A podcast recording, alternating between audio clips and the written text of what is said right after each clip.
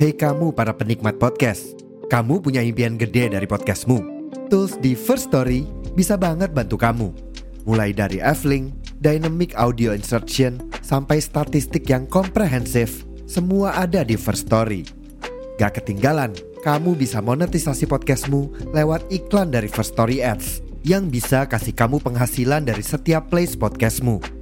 Yuk gabung sekarang dengan klik di firststory.me. Sekali lagi, di firststory.me. Mari kita bawa mimpi podcastingmu menjadi kenyataan. Box to Box Media Network.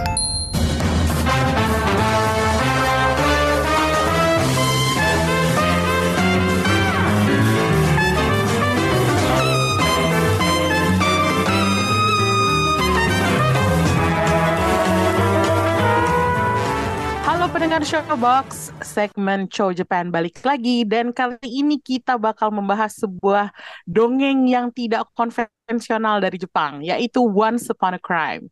Sebenarnya judul Once Upon a Crime ini jadinya kurang seru nih.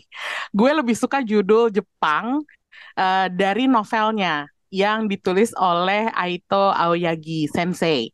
Uh, judul Jepangnya adalah Akazukin Tabinoto Chude Shitaito Deau, yang artinya adalah Little Red Riding Hood meets a corpse on her journey. Little Red Riding Hood menemukan mayat dalam perjalanannya. Dari judulnya aja udah kebayangkan ceritanya tentang apa. Ini ceritanya bisa dibilang jauh lebih seru ya daripada adaptasi dongeng yang pernah dibikin sama Hollywood. Di tahun 2011, gue inget pernah ada film Red Riding Hood yang dibintangin sama Amanda Seyfried dan disutradarain oleh Catherine Hardwicke. Tapi gue struggle banget ngingetin ceritanya. Alias gue udah gak inget sama sekali gitu. Terus gue masih ingat Anne Hathaway pernah juga nyuarain uh, Little Red atau Red Packet di Hoodwink. Tapi sekarang si Red Riding Hood versi Jepang ini uh, yang menjadi bintang utama di Once Upon a Crime, yang filmnya disutradarai oleh Fukuda uh, Yuichi, um, dia menjadi detektif dadakan. Ceritanya nih pas dia lagi dalam perjalanan ke suatu tempat bernama Spenhagen, dia lewat suatu kerajaan namanya Claire de Lune. Di kerajaan ini dia ketemu sama Cinderella yang lagi rencana mau datengin pesta ballroom di istana. Tapi di kerajaan ini orang tuh harus cantik baru bisa masuk istana. Pokoknya orang jelek nggak bisa masuk ke pusat kerajaan lah. Uh, para penjaga istananya juga galak. Semua yang kotor, lusuh, jelek, berantakan. Pokoknya nggak boleh lewat. Makanya si Red Riding Hood itu alias Akazuki dan Cinderella dapat bantuan dari dua peri yang namanya Barbara dan Tekla yang mengubah dandanan mereka jadi glamor. Tapi dalam perjalanan ke istana mereka nabrak mayat yang bikin kereta mereka terguncang gitu. Dan dari situlah si Akazuki terlibat jadi detektif yang harus membantu Cinderella, raja dan pangeran di Claire de ini buat mecahin kasus. Biangnya yang ngasih tahu gue judul aneh ini adalah Krishna. Waktu gue dikasih tahu sama Krishna tentang premis awalnya, gue sebenarnya belum tertarik nih, Chris. Iya. Karena gue kalau sama cerita-cerita dongeng tuh adaptasi film dongeng buat gue selalu boring hasilnya. Gitu-gitu aja ya. Iya, mau yang dibikin Disney kek atau yang dibikin sama studio lain pun gue nggak pernah cocok gitu. Dalam arti ya pada saat nonton gue seneng-seneng aja, tapi begitu keluar bioskop gue jadi udah lupa ceritanya gitu. Makanya gue nonton ini baru setelah uh, gue mengosongkan jadwal nih kebetulan hari ini nggak ada kerjaan. Terus karena ya kita mau rekaman, jadi gue tonton gitu. Eh ternyata seru banget gitu. Makanya gue kayak apa ya? Gue merasa wah ini ada sesuatu yang beda nih dari si cerita Red Riding Hood di Once Upon a Crime ini gitu.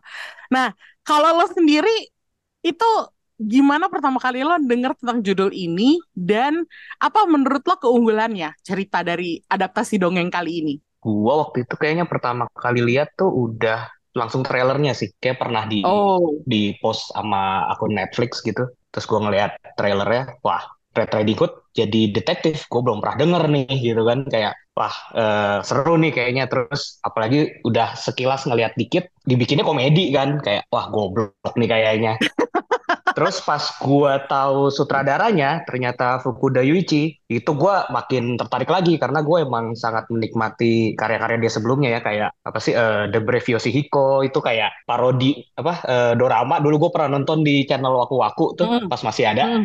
itu kayak parodi RPG game-game RPG gitu tapi goblok banget tuh yang main si Takayuki Yamada Ah, dan banyak cast yang ada di sini juga. oh oke oke. Heeh, terus ada dia main juga yang di From, Today It's My Turn kan dia yang bikin juga tuh itu juga Iya, kan itu absurd banget. Heeh, itu kan yang parodi pernah ya cerita kayak sama gue kan, yang iya akhirnya gue tonton Cloud juga. Zero kan. Heeh, Iya iya iya. Heeh. Terus dia kan yang bikin ini juga Gintama live action kan. Ah, itu oke salah oke. satu live action yang shonen yang works kan. Hmm. Jadi gue udah kebayang wah ini komedinya bakal absurd banget. Jadi gue makin tertarik gitu. Dan pastinya sih kalau lu nanya keunggulannya sih menurut gue karena fresh kali ya adaptasinya. Maksudnya kayak kalau Hollywood juga udah sering kan meng, apa ya kayak mere- menginterpretasi ulang dongeng-dongeng ini gitu kayak yang title-title lu udah sebut tadi gitu. Terus gue inget juga pernah ada ini kan Snow White-nya Kristen Stewart juga kan. Hmm. Tapi Ya. itu kan rata-rata jadinya action ya. Kayak udah kebayang banget kan. Sementara ini jadi cerita detektif, terus ada crossover dari dua karakter dongeng dari cerita yang berbeda gitu kan. Udah kayak udah apa ya. Terus ditambah lagi ya itu gaya komedinya kayak komikal banget nih. Itu sih yang menurut gue jadi daya tarik dan keunggulannya mungkin dibanding adaptasi-adaptasi komik yang eh komik sorry dongeng yang pernah gue lihat sebelumnya gitu. Gue setuju sih, terutama crossovernya itu yang bikin uh, beda ya. Iya. Ada dua karakter yang sama-sama gede dari dua dongeng yang berbeda, tapi dimasukin jadi satu dalam satu Mm-mm. judul yang sama gitu. Um, dan gue tertarik ngelihat gimana cerita detektifnya. Nih, oke settingnya emang negeri dongeng ya, tapi Iya. gue suka sama gayanya dibikin kayak detektif Conan atau Kindaichi gitu. Mm-mm. Tahun lalu tuh gue nonton serial The Files of Young Kindaichi di Disney Plus. Um, dan gue terhibur banget sama gaya whodunitnya yang old school gitu, Chris dari si. Files of Young Iya. Kindaichi. Dan di sini sepertinya diulang lagi di Once Iya. Upon a Crime. Dan gue ternyata suka sama gaya itu. Iya. Gitu. iya. Nah, menurut lo gimana nih misterinya di Once Upon a Crime? setuju kayak ini ya kayak detektif Conan gitu ya yang kayak Mm-mm. pelakunya tuh udah kayaknya udah ada di situ gitu kan terus kayak Ya, si si eh, Red Riding Hood-nya ngejelasin gini gini gini terus wah mengarah ke sini ke sini itu seru sih terus kayak apa ya eh, kasusnya sebenarnya menurut gua nggak terlalu kompleks kompleks sih. Tapi Hmm. mungkin karena stylenya yang agak absurd kali ya jadinya susah nebak nih arahnya mau ke mana nih? Karena jadinya kan bisa ke mana-mana juga gitu ya gue setuju sih Chris. Terus Ini sama iya, sama ini juga sih serunya mungkin kayak eh apa ya? Kayak ini juga sekalian berani bilang kalau troops-troops yang ada di dongeng-dongeng ini tuh banyak yang norak sebenarnya. gue setuju, gue setuju. Iya, iya. Karena tadi lo bilang lo susah nebak gitu ya ke mana Mm-mm. arah ceritanya. Gue juga gitu. Iya. Kayak di awalnya tuh ada opening yang humornya kenceng banget tuh dari si Iya. peri yang namanya Barbara sama waktu dia pertama kali ketemu sama si Akazuki tuh mereka percakapannya tuh kayak itu absurd Nggak nyambung. sih kayak nggak nyambung banget gitu maksudnya itu banyak jokes antar generasi gitu kan Iya. terus udah gitu eh, tiba-tiba di istananya di bagian istananya tuh ada si rajanya itu yang eh, sikapnya pelin-pelan banget gitu terus gue jadi kayak merasa ini komedi atau misteri sih gitu. Jadi gue agak agak meraba-raba juga gitu. Awalnya "Ah, ini mau dibawa ke mana? Terus kenapa serius banget investigasinya tapi si Akazuki-nya bercanda mulu gitu. Ma- bukan, bukan bercanda mulu ya tapi kayak apa pun yang dia lontarkan tuh kayak seakan-akan ngundang gue ketawa gitu apakah ini juga hal sama yang lo rasakan pada saat lo bilang lo nggak bisa nebak ceritanya Iya, bener maksudnya kayak mau dianggap kan biasanya kayak gini lumayan serius gitu kan. Tapi ini Mm-mm. susah untuk anggap seriusnya gitu kan. Apakah kasusnya ini juga bakal serius gitu kan? Terus ya bener karena opening humornya itu kan yang si Barbara lagi ngapain tahu terus dicuekin itu kan lucu banget. ini Terus ada ya gak itu sih bener yang soal si raja ini itu kan juga salah satu langganan si sutradara ini ya si Jiro Ito. Ya, kayak kayak nongol di semua film atau doramanya dia dan tropes komedinya kan emang gitu pelin pelan terus walaupun ada ada hal yang gue tunggu dari dia tapi nggak terlalu keluar di sini dia ngomong itu suka belibet gitu tapi di sini nggak terlalu tunjukin cuman pelin pelannya aja kan Terus kayak ini Oh. ngelihat rajanya kayak gini aja udah ini ke mana ya arahnya ya? Bahkan kalau menurut gue dari awal tuh Mm-mm. kayak sistem kerajaannya aja tuh udah kayak bikin Nggak ada aturannya gitu. iya bikin bikin ketawa aja gitu kayak ya masa sih ada ada kerajaan yang tidak membolehkan orang jelek gitu kayaknya aduh absurd banget ya Mm, tapi jadinya ini ya in a positive way sih ya maksudnya ya udah tone emang kayak gitu kan. iya Jadi jadinya kita juga Ha-ha, penonton nerima-nerima iya aja iya gitu. iya iya ekspektasi kita tuh langsung di set sama eh, tone dari filmnya sendiri gitu. Jadi kita nggak nggak Mm-mm. mengharapkan sesuatu yang drama banget, yang serius banget gitu, yang sampai mendayu-dayu banget gitu. Tapi gue penasaran deh, Chris, Mm-mm. ada nggak sih momen kocak atau absurd yang lo inget dari film ini yang bikin lo kayak wah mampus banget film Iya nih iya maunya iya iya ke benar-benar apa? benar. Coba gitu. Banyak sih Ada ya. Cuman yang tapi jujur sebenarnya eh, soal komedinya ini agak di bawah di bawah ekspektasi gue sebenarnya. Karena ini nggak Oh iya iya kalau kalau dibandingin Iya. sama Gintama, gue rasa sih nggak seabsurd Iya betul, Gintama ya. cuman emang masih banyak tetap sih momen-momen yang bikin gue bilang ih goblok gitu kan. Pertama yang itu yang tadi udah dua dua yang kita bahas lah ya, yang si Barbara masih Raja ya. Terus Ah, gue ah, inget tuh waktu sepatunya si Akazukin disihir malah jadi berlumpur kan. ah. Tiba-tiba dia nyuci di kali gitu kan. Terus hanyut kan. Terus dengan apa ya editing yang kayak kasar banget, tahu-tahu udah dipakai sama Cinderella itu gimana cerita? Terus sama pas ini juga pas apa?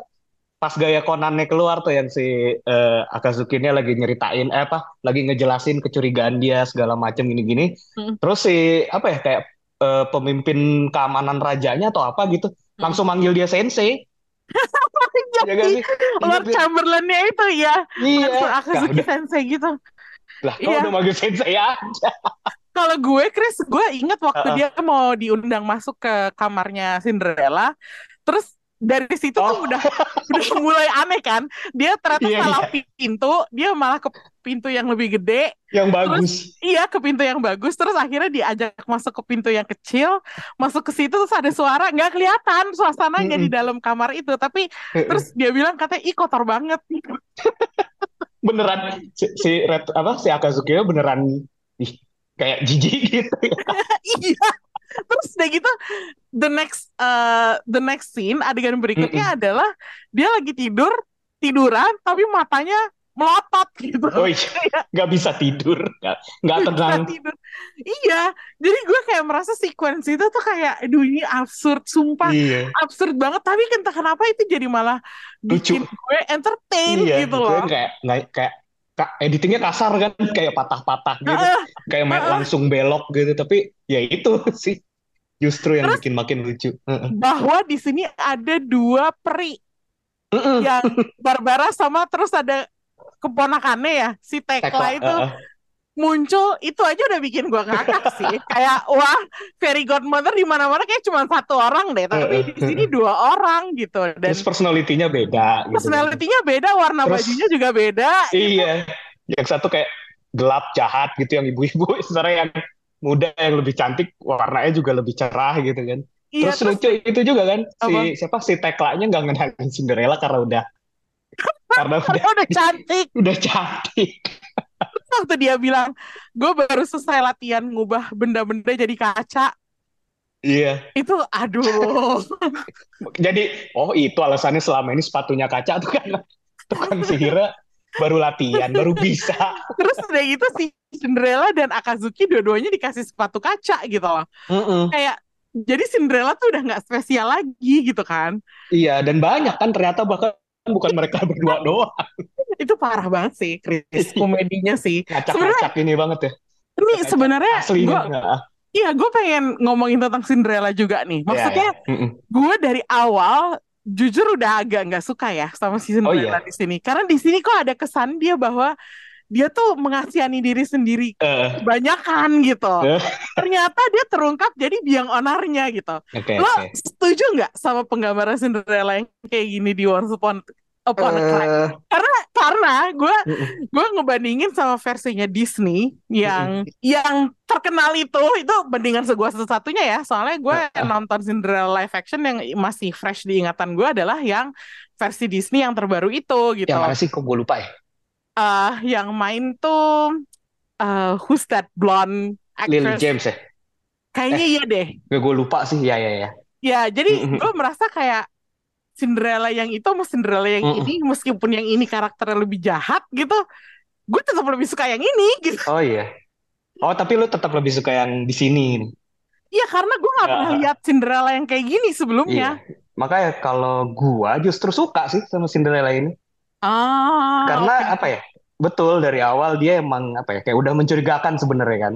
Mm-mm. Walaupun gua tetap kaget sih kalau di belakang kalau dia otaknya gitu ya. Tapi gua Mm. sukanya di sini tuh karena apa ya? Cinderella yang di sini tuh nggak sebodoh dan sepolos itu gitu. Dia bisa kayak semacam manfaatin keadaan buat sekalian jebak kakak tirinya yang udah jahat juga kan. Ya, betul. Nah, gue justru gue justru sebel sama pangerannya waktu kayak apa sih di, dia bilang kayak eh, kecewa gitu kan sama Cinderella karena menurut Mm. gue Cinderella di sini bela diri kan sebenarnya dia korban juga Hmm. loh gitu Iya. jadi gue sebenarnya sih suka sama Cinderella di sini Oh gitu ya. Maksudnya Iya. gue sebenarnya gue merasa gue juga suka Mm-mm. sih, tapi Mm-mm. ya emang kebetulan dia di sini jadi karakter yang jahat aja gitu. iya Meskipun Heeh. kejahatan dia kalau menurut gue nggak parah-parah banget sih. iya kan korban juga sebenarnya kan Iya itu dia gitu. Dan gue Heeh. bener-bener banget bahwa si pangerannya tuh agak-agak apa ya? Ya udah buta aja sama iya sama keinginan dia It- yang sama perempuan yang dia suka gitu. Eh, Jadi eh, jadi ignoran gitu kan Mm-mm, gitu. Tapi ini kalau kita ngomongin Kana Hashimoto sebagai Hmm, Akatsuki itu gue lebih impress lagi sih karena iya setuju setuju dia terlihat cerdas dan punya prinsip ya, nggak cuma Heeh. ngambil jalan pintas karena gampang dan kalau ada yang nyebelin dia langsung call out orang iya itu. bener bener Lo yang udah lebih sering nontonin dia di film-film sutradaranya, gimana analisa lo tentang penampilan si Iya, aktris eh, di film ini? Dia, by the way, lu tahu gak sih dia tuh dulu dijulukin Once in, in a Millennium Idol Oh ya, awal gue nggak tahu, terkenal. gue nggak Iya, tahu. jadi dia kan sebenarnya idol gitu kan, trivia aja Hmm. nih ya. Maksudnya dia Hmm. idol di, tapi bukan di Tokyo juga, bahkan di Fukuoka apa kalau nggak salah. Hah? Cuman terus tiba-tiba foto dia kayak viral gitulah.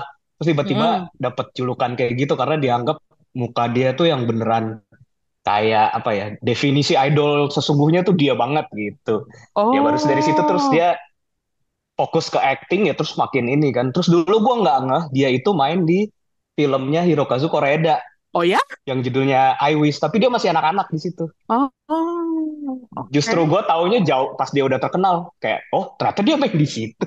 Oh, oke. Eh. Ya setuju gua, tapi ngomongin dia di sini gua setuju sih, gue juga suka banget karena kayak iya bener kata lu tadi kayak kelihatan dia apa ya cerdas, mandiri gitu kan, terus kayak udah tahu gitu sama tujuan hidupnya setelah dia menyelesaikan masalah dengan serigalanya kayaknya kan sebelumnya. Oh, oke. Ya jadi kayak kayak udah tahu terus kayak ya mungkin karena dia langganan si sutradaranya juga ya. Jadi Hmm. kayak dia udah tahu banget lah sama apa yang dimauin sama sutradaranya gitu dengan eh, apa sih tone absurdnya segala macam kayak dia udah familiar lah, udah tahu. Jadi ya luwes kan kelihatan dia mainin karakternya di sini. Tahu kapan mesti masang muka serius walaupun situasinya goblok gitu. Hmm. Tahu kapan mesti dia bertindak absurd juga kayak yang tadi lu bilang pas dia mau ke rumahnya Cinderella itu itu kan ini banget ya apa eh, fluid banget gitu kan Mm-mm. dia maininnya. Jadi emang ya emang dia bintangnya sih di sini tetap. Kalau menurut lo dia sama naskah-naskah absurd yang kayak gini cocok dong berarti, Chris? Cocok sih. Nggak tahu Cocok kenapa. ya? Iya. Eh, Tapi iya sih. pernah main Koreeda juga gitu. Iya, tapi masih anak-anak sih. Ya, tapi dia emang ada juga yang serius gitu ya. Maksudnya lumayan inilah. Mm. Range actingnya lumayan lah. Hmm. Hmm. Walaupun Oke. ya ya mungkin karena dia ngetopnya juga dari Gintama gitu kan. Maksudnya sebagai aktor gitu kan. Hmm. Jadi ya lumayan sering lah main yang absurd-absurd gini. Gue belum pernah nonton Gintama, Mm. tapi gue tahu dia dari Gintama. Iya. Karena Itu dia salah berarti- satu karakter utama perempuannya dia kan. Ah, berarti dia emang dibesarkan eh, namanya oleh Gintama gitu ya? Kalau di dunia acting sih ya bisa dibilang itu breakthrough-nya dia banget sih. Oh, Walaupun Oke. sebelum itu juga udah ya banyak ya sebenarnya. Cuman tuh kan Hmm. proyek gede lah ya. Dia kan ini juga apa? Eh main di remake film Jepang legendaris tuh Apa Suit tuh? and Machine Gun. Oh, Eh, Jadi kayak anak SMA cewek yang gabung ke Yakuza gitulah itu itu kan kayak film klasik yang terkenal tuh dia di situ sebenarnya pertama kali banget dikenal lah sebagai aktor. oh. Tapi terus ya Gintama proyek yang paling gede kan. Hmm. Gue sih impressed sama caranya si Kana Hashimoto ini menghandle uh, dialog. Karena dialognya jujur aja di sini banyak banget ya. Maksudnya Iya. eksposisinya tuh berat banget gitu. Panjang. Heeh, panjang. Jadi gue berapa kali tuh harus ngulang sebuah adegan karena eksposisi yang panjang tadi itu gitu. Hmm. Menurut lo apakah eh, eksposisi yang panjang itu mengurangi faktor hiburannya dari si cerita Once Upon a Crime ini atau enggak, Chris? Eh, sebenarnya kayak eksposisi panjang kayak gini kan lumayan khas di film-film detektif gini kan. Ya, Iya kan? Tapi memang beberapa kali gua rada apa sih menurut gue juga kepanjangan dan rada dragging sih jatuh jatuhnya. hmm, oke. Lo ngerasain itu juga? Iya, gue ngerasa agak, Iya kan?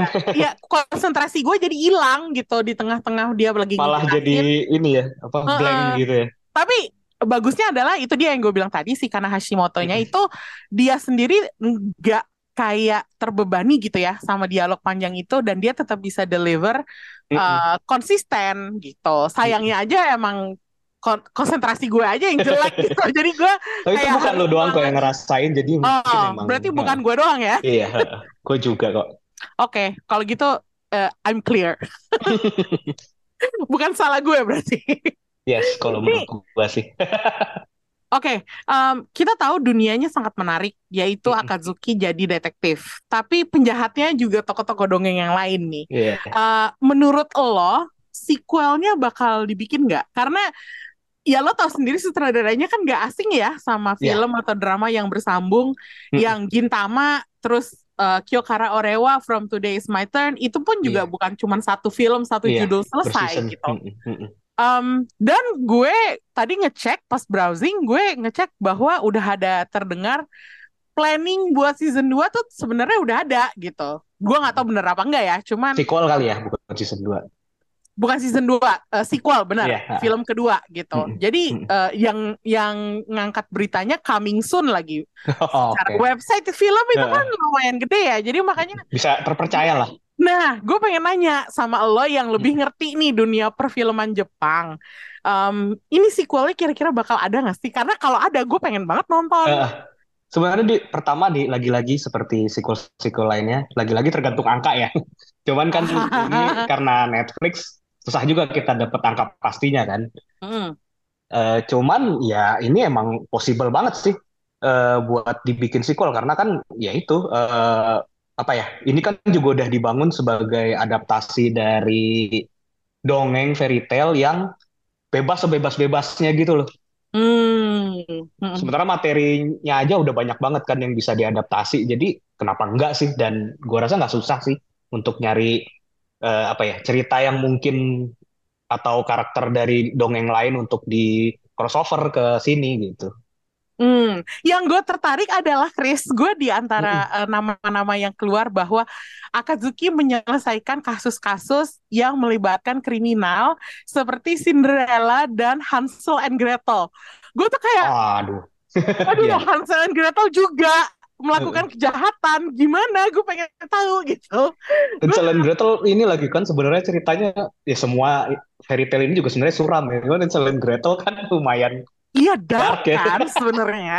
Maksudnya kayak apa ya? em, ini semua cerita-cerita tuh nggak baru gitu. Itu eh, apa makanya kenapa gue pengen banget ngelihat sequelnya itu adalah gue pengen lihat gimana lagi sih si apa eh, Fukuda ini bisa mengolah cerita yang udah dikenal sama banyak orang terus bikin surprise gitu. Kan gue Iya. jujur aja ya gue gue nggak nggak sama sekali nggak me- mengantisipasi bahwa Cinderella itu jadi ya itu Iya kan? i- yang yang bersalah gitu. Maksudnya gue nggak ketebak sama sekali loh. Gue bahkan kayak gue mulai Eh, dak dikduk setelah eh, dia udah pulang dan terus si eh, Akatsuki-nya tidur sambil melotot gitu gue baru mulai curiga di situ gitu sebelum itu gue nggak apa ya gue nggak berakhir ini ya sekali bahagia selama-lamanya buat si karakternya.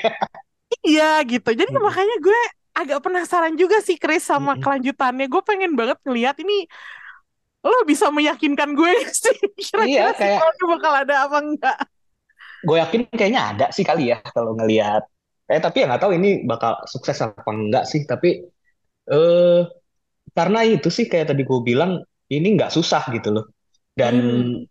ya kayak cerita-cerita detektif yang kita tahu lah contohnya gitu kan Mm-mm. kayak Hercule Poirot atau eh, Knives Out yang kita tahu itu kan beneran bisa ceritanya pindah karakter berbeda semua segala macam yang sama cuman si detek eh si detektifnya kan Mm-mm. dan itu kan mungkin banget di- dilakuin di sini, apalagi di sini ceritanya si Akazuki-nya juga dia lagi kayak berkelana gitu kan. Mm-mm.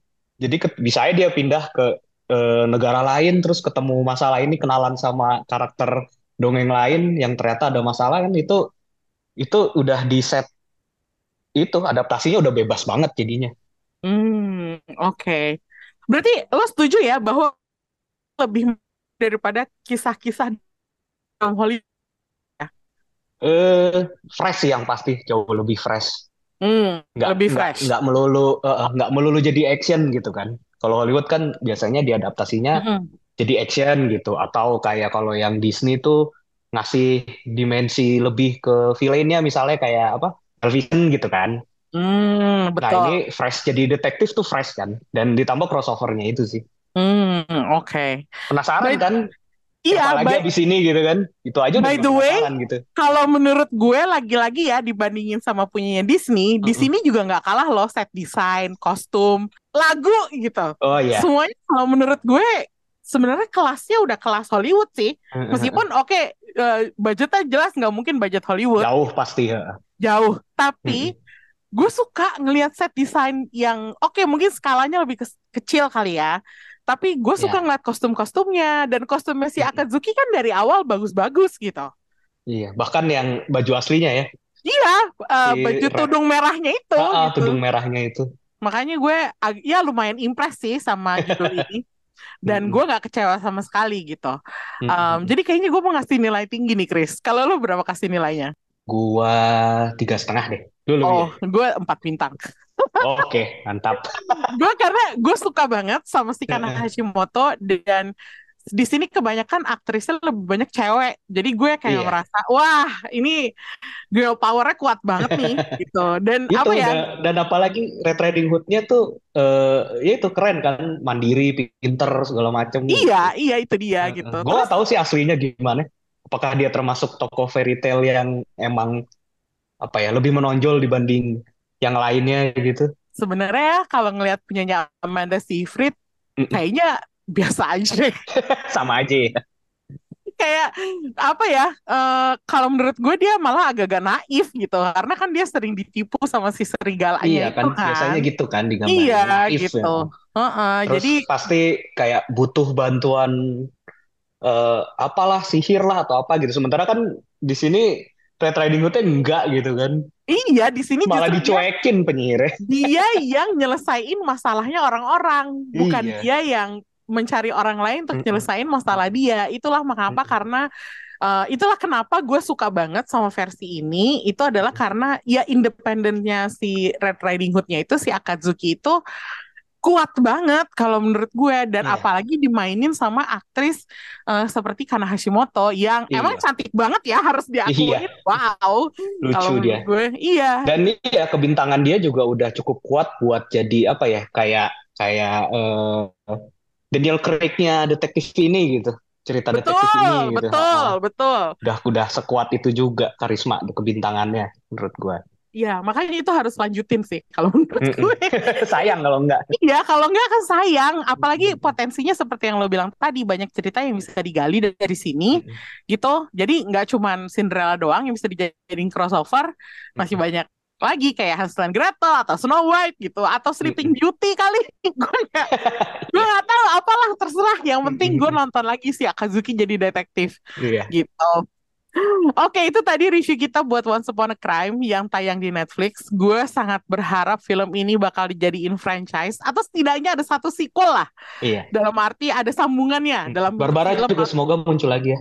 Betul, Barbara sama Tekla please muncul lagi. gue pengen lihat lagi terutama karena Hashimoto jadi Akatsuki si detektif dadakan. Tapi tentu aja perinya si Barbara dan Tekla juga gue gak keberatan kalau mereka muncul lagi gitu. Of course Showbox bakal terus mereview judul-judul menarik dari negara mana pun ya. Tahun ini Ya. kita udah banyak membahas Korea, Jepang, Indonesia bahkan Thailand. Tinggal India aja nih yang belum nungguin judul kayak Tahun ini belum ada ya? belum kita belum nge-review film India Oke. belum nemu gimana dong Chris Suruh si Rengga nonton dulu. kita tungguin aja judul India berikutnya. Em, tapi sementara ini kalian bisa nonton uh, Once Upon a Crime di Netflix dan tontonlah dan nikmati gimana serunya Red Riding Hood mecahin sebuah misteri. Em, terus dengerin Showbox sampai ketemu di episode berikutnya. Jamatane.